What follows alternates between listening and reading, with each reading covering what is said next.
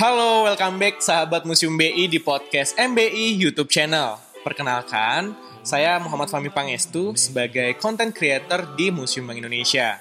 Nah, eh, di episode podcast kali ini kita akan banyak membahas seputar konten, nah dan orang-orang di balik layarnya. Tapi sebelum itu supaya lebih semarak, mungkin kita buka dengan pantun terlebih dahulu nih ya. Oke, ada peti isinya busa. Cakep. Entah siapa yang bikin raib. Cakep. Podcast MBI bukan podcast biasa. Jadi jangan lupa untuk like, komen, dan subscribe. Oke, nah balik lagi ke podcast Museum BI. Nah kali ini saya nggak sendiri karena uh, saya di sini udah ditemani dengan salah satu orang di balik layarnya konten-konten ataupun kegiatan-kegiatan online Museum BI. Di sini sudah ada Kak Aji Dwi Cahyo. Halo, Halo, Kak. Haji. Halo Kak Fahmi. Halo sahabat Museum BI. Bagaimana kabarnya semua? Alhamdulillah saya sehat. Kak Aji gimana kabarnya? Alhamdulillah sehat juga. Kak Alhamdulillah sehat ya. Uh, mungkin bisa dikenalkan dulu ke sahabat Museum BI ini. Kak Aji perannya sebagai apa nih di Museum BI? Iya. Oke, halo sahabat Museum Bank Indonesia. Perkenalkan nama saya Aji Dwi Cahyo, biasa dipanggil Aji. Eh, saya adalah salah satu tim humas di Museum Bank Indonesia. Sebagai salah satu tim humas ya di Iya. Indonesia. Dan for your information nih guys, sahabat Museum BI, Kak Aji ini adalah orang yang memegang peranan penting di setiap kegiatan online-nya Museum Bank Indonesia. Seperti kita ketahui nih ya, di era pandemi, Museum Bank Indonesia itu memiliki inovasi-inovasi di kegiatan online-nya seperti webinar gitu ya, terus juga ada uh, forum, terus juga ada workshop dan lain-lain. Nah, yang ingin ditanyakan nih Kak Aji, kira-kira untuk uh, memegang peranan penting sebagai operator teknis ya dari kegiatan online itu, apa aja sih skill-skill yang dibutuhin uh, untuk melakukan job desk itu Kak Aji? Oke, Kak Fahmi. Terima kasih atas pertanyaannya. Mungkin eh, beberapa skill-skill dan beberapa tips ya yang bisa aku sampaikan ya. Jadi mungkin sahabat Museum Bank Indonesia sebelumnya pernah mengikuti acara daring Museum Bank Indonesia seperti forum atau tadi ada webinar dan lain-lain ya Kak Fahmi ya. Nah itu aku adalah salah satu orang di balik layarnya dan aku ada sedikit tips dan trik nih. Jadi eh, untuk menjadi eh, host dalam acara webinar, yang pertama itu kita harus menguasai beberapa aplikasi yang kita perlukan dalam acara tersebut. Oke. Seperti ada Google Meet, ada Zoom dan lain-lain. Itu kalau untuk Museum Bank Indonesia kita menggunakan Zoom dalam Zoom ya. eh, acara daring kita ya lebih sering Betul. Zoom gitu. Terus yang kedua, sebenarnya aku nggak terlalu banyak melakukan studi Hmm. ke mana-mana. Aku lebih sering melakukan trial and error. Jadi coba-coba bagaimana cara untuk eh, memutar video, bagaimana cara untuk mengatur eh, panelis dan lain-lain gitu. Nah, aku lebih uji coba, tapi uji cobanya jauh-jauh hari sebelum hari H gitu Kak Fahmi. Terus yang terakhir adalah tentunya persiapan Kak Fahmi karena di setiap acara daring itu pasti ada rundown acaranya ya Kak Fahmi ya. Iya betul Dari sekali. pertama pembukaan, terus eh, Sambutan. sambutan dan lain-lain. Nah, kita harus tahu nih kita di di rangkaian acara tersebut ngapain aja. Seumpama pertama kita harus eh, mengizinkan MC untuk membuka mic-nya supaya dia bisa bicara. Terus ketika pembicara eh, menerangkan sebuah materi, kita juga harus tahu tuh dia harus kita on-kan mic-nya, harus kita tampilkan juga eh, materi yang ingin dia sampaikan. Gitu, Kak.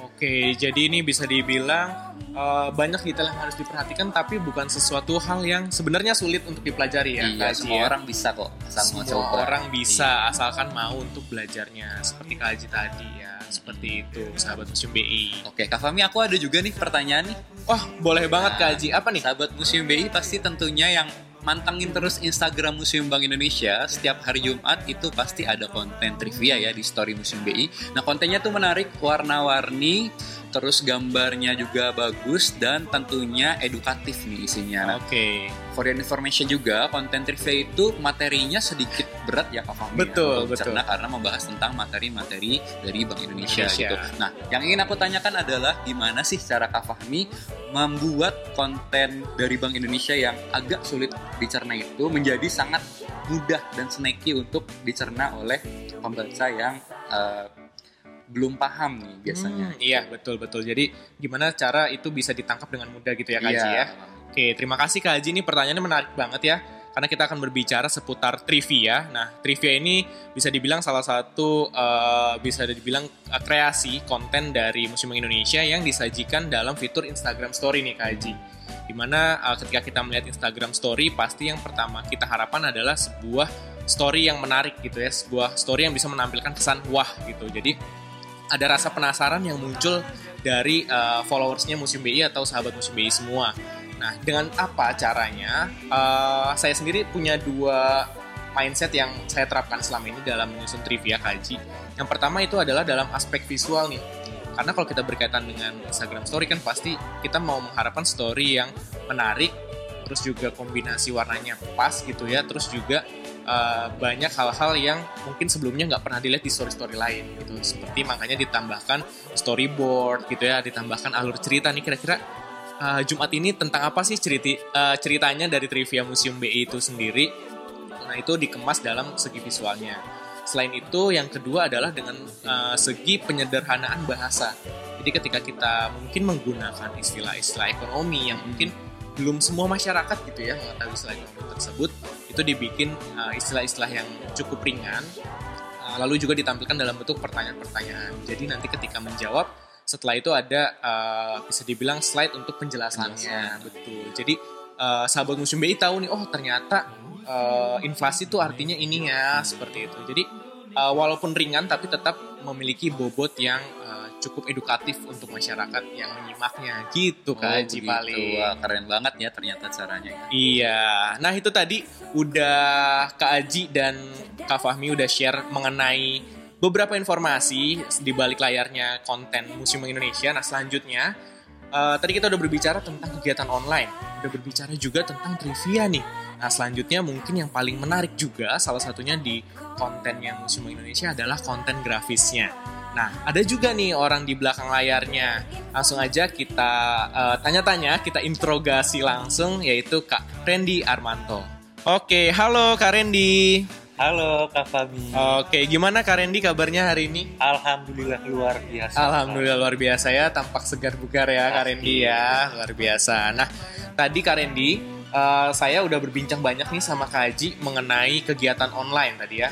Karena kan inovasinya Museum BI di era pandemi itu seputar kegiatan online. Tadi Kak Haji udah share tips-tipsnya seperti apa. Terus tadi saya juga sempat uh, share tips seputar penyajian trivia dengan konten yang berat tapi bisa disajikan secara mudah dicerna dan uh, ringan gitu untuk masyarakat. Nah selanjutnya nih yang pasti uh, sahabat Museum BI penasaran banget di balik konten grafisnya Museum BI itu adalah seorang Kak Randy Armanto. Nah pertanyaannya nih Kak Randy, uh, gimana sih dalam membuat konten grafis, mencari inspirasinya dari uh, mulai mencari referensi sampai bisa menjadi sebuah konten yang menarik pastinya untuk sahabat Museum BI. Baiklah Kak Fami, sebelumnya saya terima kasih sekali yang biasanya saya bekerja di baik layar di depan komputer. Sekarang saya diberi kesempatan di depan kamera hari ini. Oke, tadinya di belakang layar terus ya. Iya, nah. tadi itu di depan komputer terus saya bosan juga ya. Nah, sekarang bisa dilihat ya ini Kak Randy nih, sosok iya, di balik uh, konten-konten fakta unik gitu ya. Nah ini desainnya, desain grafisnya bisa dibilang ya. Gimana Kak Randy bisa di-share mungkin gimana sih cara dapat inspirasinya nih untuk bisa jadi konten yang menarik gitu? Baiklah, uh, untuk ngomong-ngomong soal inspirasi ya. Kalau saya pertama membuat gambar itu, biasanya saya mencari-cari inspirasi di beberapa website desain. Website desain ya. Itu ada beberapa websitenya. Biasanya kalau orang-orang desain grafis itu hmm. pasti tahu ya website desainnya apa. Oh, memang sudah ada referensinya ya. ya. Oke. Okay. Dan uh, selain itu, ketika saya bekerja di museum yang saya sedang, saya, saya sedang WFO atau kerja di kantor lah museum. Biasanya kalau saya sedang tidak ada inspirasi, saya berjalan-jalan di area-area museum Bank Indonesia okay. saya melihat-lihat visual kata pamernya hmm. Atau saya melihat kemegahan gedung museum Bank Indonesia. Oke, jadi selain Museum BI ini adalah sumber edukasinya, tapi Museum BI itu sendiri menjadi sumber inspirasi dari setiap kontennya uh, sosial medianya Museum Bank Indonesia Betul ya. Betul sekali. Wah, luar biasa nih. Jadi kalau sahabat Museum BI ingin menemukan inspirasi, datanglah ke Museum Bank Indonesia. Oke, jadi uh, tidak hanya karena kemegahan bangunannya, ja- uh, juga karena tata pamer tata pamer yang disajikan ya. Betul Kak Randy sekali. ya. Oke, luar biasa. Nah, itu tips-tips dari Karendi. Mungkin ada lagi yang mau disampaikan Karendi atau Ya, cukup? ada lagi. Ada lagi apa tuh? Ketika saya sedang dalam tahap produksi desain, Produksi desain. biasanya itu ada patokannya ya, patokan untuk membuat desainnya. Saya biasa berpatokan pada SIFB. SIFB, apa tuh SIFB Karendi? SIFB itu standar identitas visual Bank Indonesia. Standar Identitas Visual Bank Indonesia. Ya, betul sekali. Oke, nah itu apa tuh? Biasanya itu isinya ada seperti font seperti apa font yang harus dipakai, Mhm. terus uh, warnanya seperti apa, kayak misalkan ada patokan warna KMYK-nya, RGB-nya. Oh, RGB-nya juga Iya. diatur gitu ya. Jadi mengacu kepada SIFB itu sendiri ya, Betul sekali. Ya. Dan ada juga misal kita ingin meletakkan logo di kiri, logo seperti apa yang akan dipakai, atau kita ingin meletakkan logo di tengah, logo Bank Indonesia yang mana yang harus dipakai. Oke, ternyata sudah ada acuannya ya, Betul ya. sekali. Wow, ternyata memang uh, tidak sembarang desain. Kak Randy ini membuat sebuah kreasi juga mengacu pada SIFB tadi ya, Betul. Standar Identitas Visual Bank Indonesia. Bank Indonesia. Nah, itu luar biasa banget ya, bukan bukan sesuatu hal yang uh, mudah dilakukan, tapi sekali lagi itu adalah hal yang bisa untuk dipelajari ya, Kak Ya, Randy ya. Jadi kalau museum Mhm. B ingin berkreativitas boleh, tapi tetap harus ada dasarnya yaitu mengacu pada dan standar identitas visual Bank Indonesia itu. Oke, ini udah luar biasa banget ilmu baru lagi dari Kak Randy nih seputar bagaimana cara membuat desain yang sangat menarik di Museum Bank Indonesia yang pastinya selalu disajikan dengan hal-hal yang fresh, hal-hal yang ciamik gitu ya untuk sahabat Museum Bank Indonesia semua. Nah itu dia, terima kasih Kak Randy untuk tips-tipsnya. Ya, sama-sama Kak Fahmi. Oke, nah selanjutnya nih tadi kita udah bahas dengan uh, dua orang di belakang layar termasuk saya berarti ada tiga. Nah sekarang satu lagi kita tadi udah membahas sama Kak Randy seputar konten grafis yang mungkin sifatnya statis ya, gambar gitu. Nah berikutnya kita akan langsung aja membahas ke orang di balik layar berikutnya yang berkaitan dengan konten yang dinamis atau biasanya video-video seperti itu ya. Langsung aja kita interogasi langsung, kita tanya-tanya langsung oleh Kak Bayu. Oke, halo Kak Bayu. Halo Kak Fami. Oke, gimana kabarnya Kak Bayu sehat? Alhamdulillah sehat. Alhamdulillah sehat ya. Kita uh, ceria untuk menyampaikan informasi kepada sahabat Museum BI ya, Kak. Bayu ya. Oke, nah tadi kita udah bahas-bahas banyak nih Kak Bayu seputar uh, di balik layarnya konten-konten Museum BI. Tadi Kak Aji udah bahas seputar kegiatan online. Terus saya tadi juga sempat bahas seputar trivia.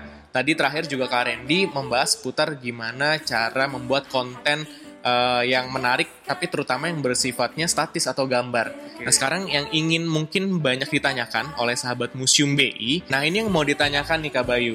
Jadi strategi ketika pengambilan video atau pengambilan gambar gitu ya untuk menjadikan itu sebagai sebuah konten untuk sosial medianya Museum BI itu seperti apa Kak Bayu?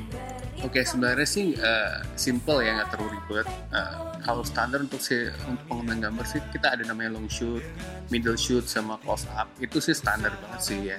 Jadi nggak terlalu ada suatu rules yang harus gimana gimana sih sebenarnya. Sih kan. Oke, jadi memang uh, yang standar ya Betul. pengambilan standar. gambar atau pengambilan video yang standar, Mm. tapi tetap memperhatikan dari pengambilan sudut gitu ya, betul, mungkin betul. ya. Betul. Eh, tergantung dari misalkan nanti kita ngambilnya konten tentang apa sih nih misalnya tentang podcast Hmm. nah podcast ini saya pengennya ngambil gambar eh, lebih enak lihatnya close up jadi Close up. lebih close middle close up ya ini middle close up segini gitu jadi eh, tergantung konten apa yang kita bahas sih apa yang mau kita ambil juga gitu Oke, jadi memang tergantung uh, kontennya nih uh, isinya apa nih gitu ya Kak Bayu. Ya. Jadi bisa disesuaikan dari pengambilan gambar, terus juga uh, konsepnya tadi uh, bisa middle shoot gitu ya Betul. atau close up Close seperti up, itu.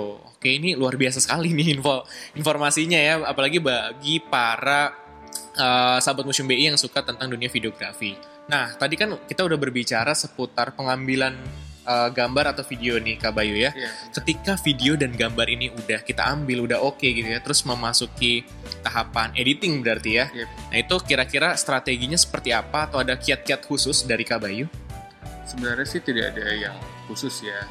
Mungkin bisa kita ambil dari karena sendiri ngomong tentang CB CB itu sebagai videografer sendiri CB tidak terlalu banyak bisa diambil uh, apanya rulesnya. Cuman Hmm. menjadi acuan adalah logo logo dan uh, garis uang. Garis Nah, uang ya. Seperti bumper outnya, bumper out itu uh, itu saya membuat acuannya itu melalui SISB. Melalui CFB. Iya betul. Oke. Jadi memang Tapi kalau lebih bumper bumper uh, untuk bumper in itu uh, itu sebenarnya totally dari idealis saya sih sebenarnya. Oke, jadi dari memang ide kreatif. dikembangin kreativitasnya Betul. oleh Kak Bayu.